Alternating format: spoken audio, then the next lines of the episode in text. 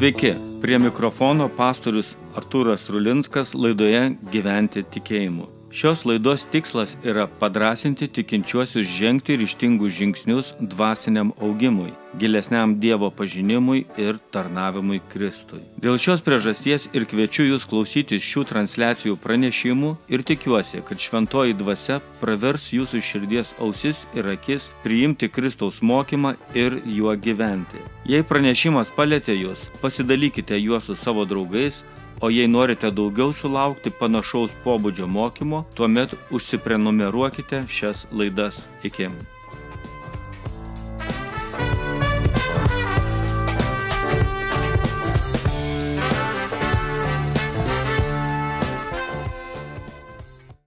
Šventųjų maldos - baimė.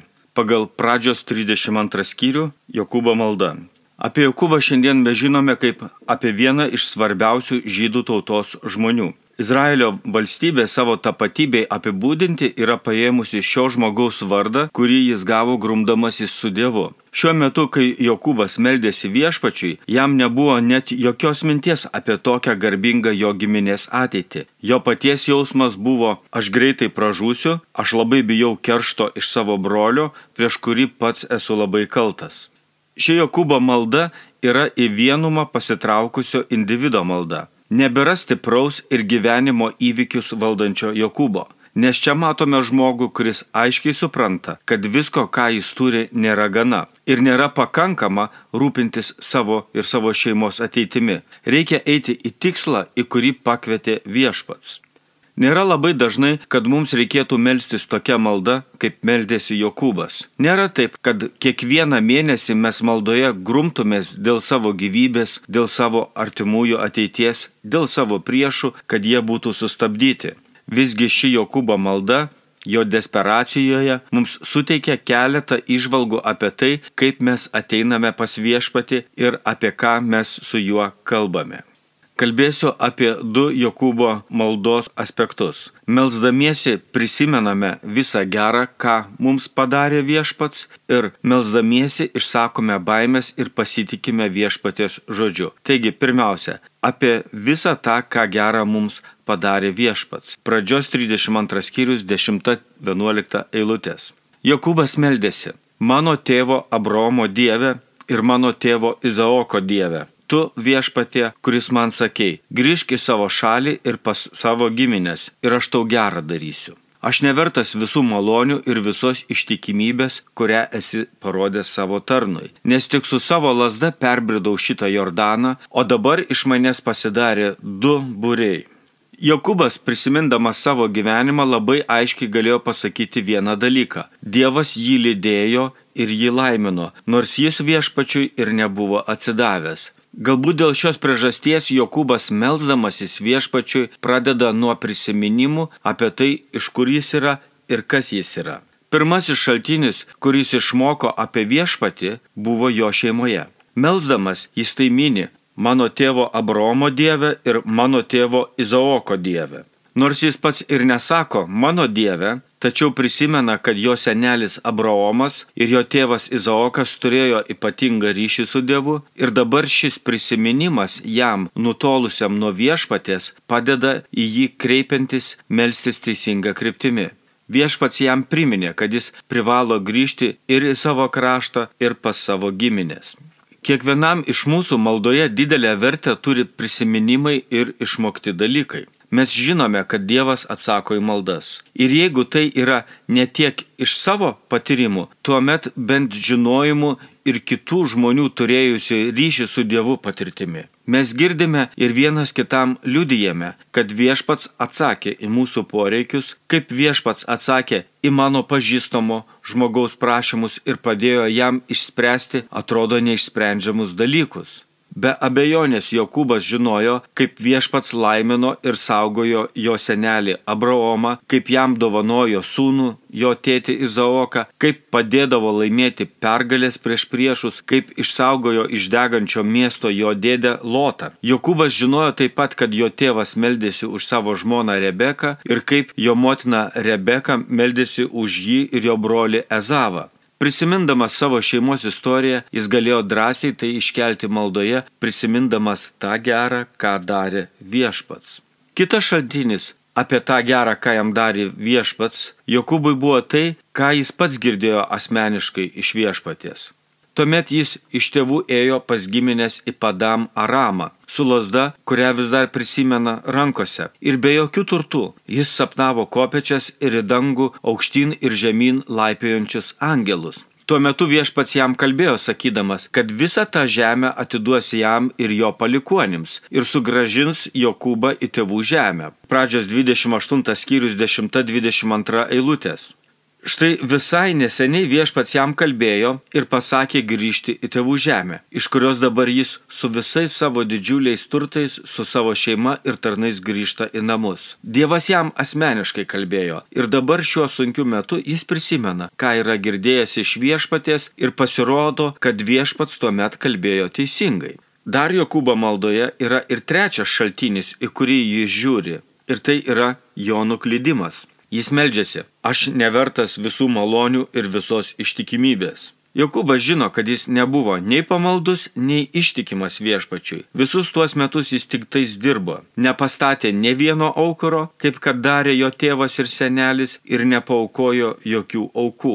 Vaikai augo atitolę nuo jo ir Dievo ir išmoko visokių nedorybių. Žmona Rachelė vis dar vertino tėvų religiją ir išeinant pasivogė savo tėvo stabus. Išėjęs pas giminės, jis pastrigo skolose, nes į kreditą savo pasėmė žmonų ir ūkį ir greičiausiai taip ir būtų likęs savo begaliniuose darbuose, jei viešpats jam nebūtų kalbėjęs ir priminęs, kad jam blogai sekasi pagrindiniuose santykiuose būtent dėl to, kad jis yra taip toli ir nuo žemės, kur turėtų gyventi, ir nuo šeimos, ir svarbiausia, negyvena praktikuodamas tikėjimo. Ketvirtas ir svarbiausias šaltinis Jokūbo maldai, kad jis nusprendė tikėti ir vykdyti tai, ką viešpats jam sako. Štai Dievo žodžiai - grįžk į savo šalį ir pas savo giminės ir aš tau darysiu gerą. Jokūbui jau yra kaip darbas, kurį jis privalo padaryti. Jis iš tiesų surinko savo šeimą ir su savo gyvūnų bandomis išėjo iš šalies, kurioje per ilgai užsibuvo. Ir štai dabar eidamas pradėjo nerimauti, nes žino, kad jo brolis eina jo pasitikti su 400 šimtų vyrų palydą. Gal jis dabar keršis už tai, kad Jokūbas apgavo? Be bejonės, šiame Dievo žodžio skaitinyje mes mokomės iš maldos, kuri buvo svarbi štai tame Jokūbo gyvenimo kontekste.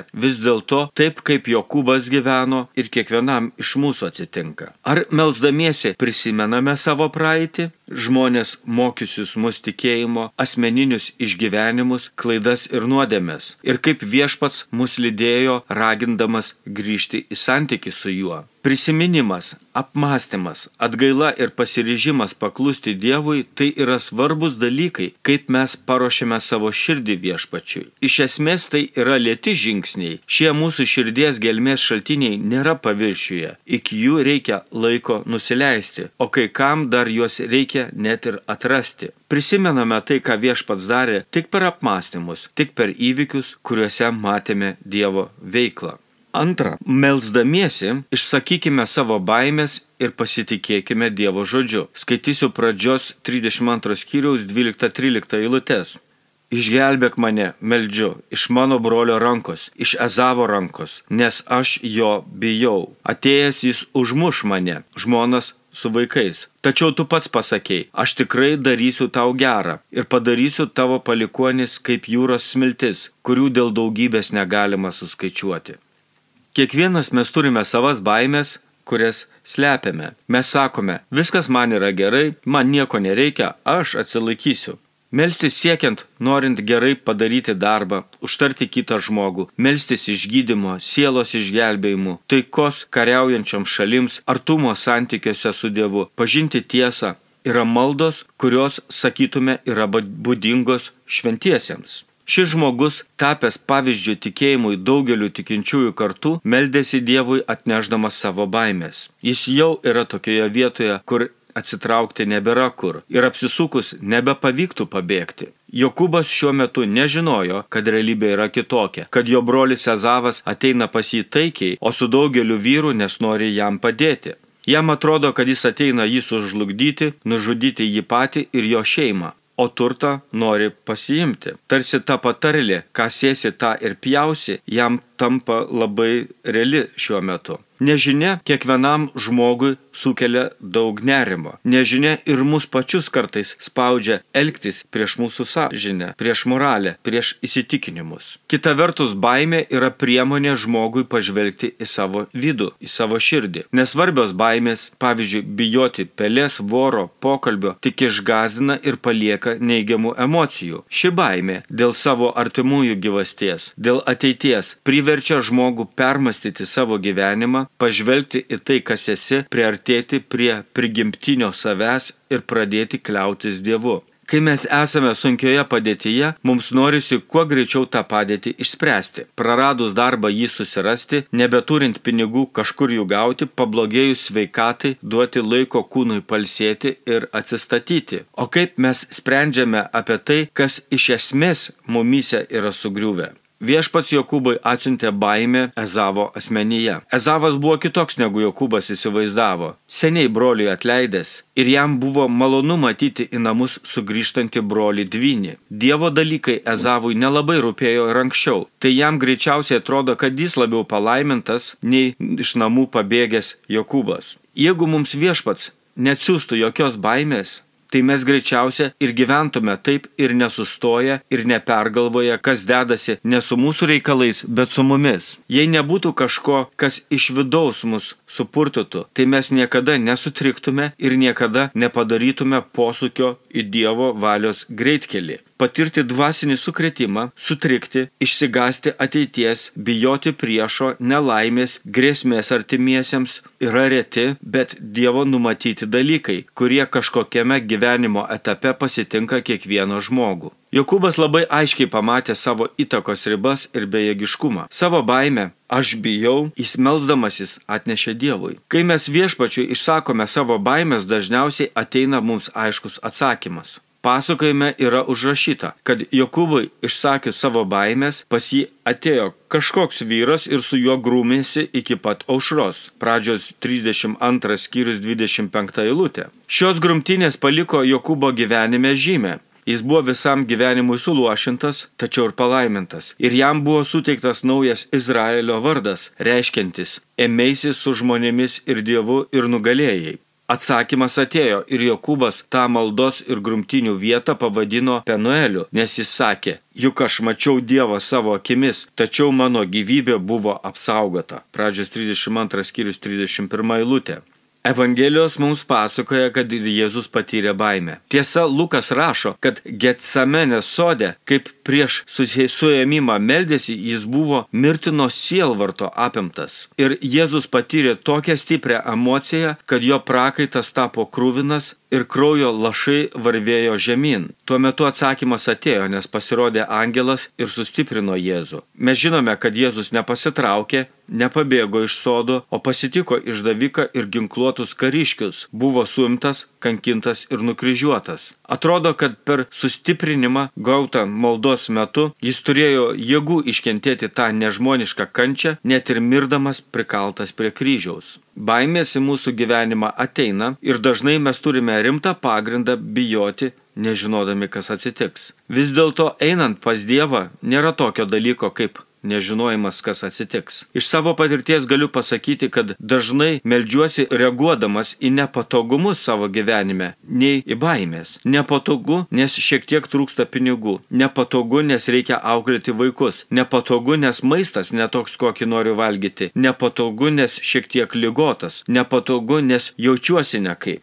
Kalbėdami nepatogumus viešpačiai, mes tikimės tokio maldos atsakymo, tarsi būtume baimėje pražūti. Taip nėra. Mes tikėkime Dievo žodžiu ne tada, kaip skundžiamės nepatogumuose, kuriuos mums padeda išspręsti žmonės, bet tai, kaip kurie yra pasekę Dievu. Papuolame į situacijose, kuriuose yra baugu, nes viskas, ką darėme ir kūrėme, gali griūti ir visą tai mes galime prarasti. Mes melstis ir einame tikėdami, kad Dievas girdi, o kai jis girdi, tai jis ir ateina su atsakymu. Pabaigai. Šventųjų maldos, kuriomis melzdamiesi jie prisišaukdavo Dievo ir kuris ateidavo jiems į pagalbą, dažniausiai buvo ir yra ne jų norų maldos. Šios maldos atsakytos dažniausiai būdavo, kai jos remdavosi į Dievo valią ir tai, ką jis nori daryti. Ar tai reiškia, kad mes nustojame melstis, nes mes nežinome Dievo valios? Tai būtų absurdiška. Dievo valią, ką jam daryti, žinojo net ir toliausiai nuo viešpaties nutolęs Jokūbas. Jis žinojo, kad jam reikia grįžti pas giminės į savo kraštą ir perduoti Abraomo ir Izaoko tikėjimo supratimą savo vaikams ir anūkams. Mes esame daug geresnėje padėtyje nei Jokūbas. Dievo valiai pažinti turime Dievo knygą ir mokame skaityti bei rašyti. Dievo valiai suprasti nesunkiai galime rasti žmogų, kuris yra ryšyje su viešpačiu ir galime su tokiu žmogumi pasikalbėti arba bent jau gauti gerų išvalgų, kurios mums padėtų susigaudyti, jeigu esame pasimetę. Galų gale Dievo žodžiui girdėti ir jį suprasti. Kristus pasiliko čia savo kūnę bažnyčioje, kuri fiziškai daro Dievo darbus šioje žemėje.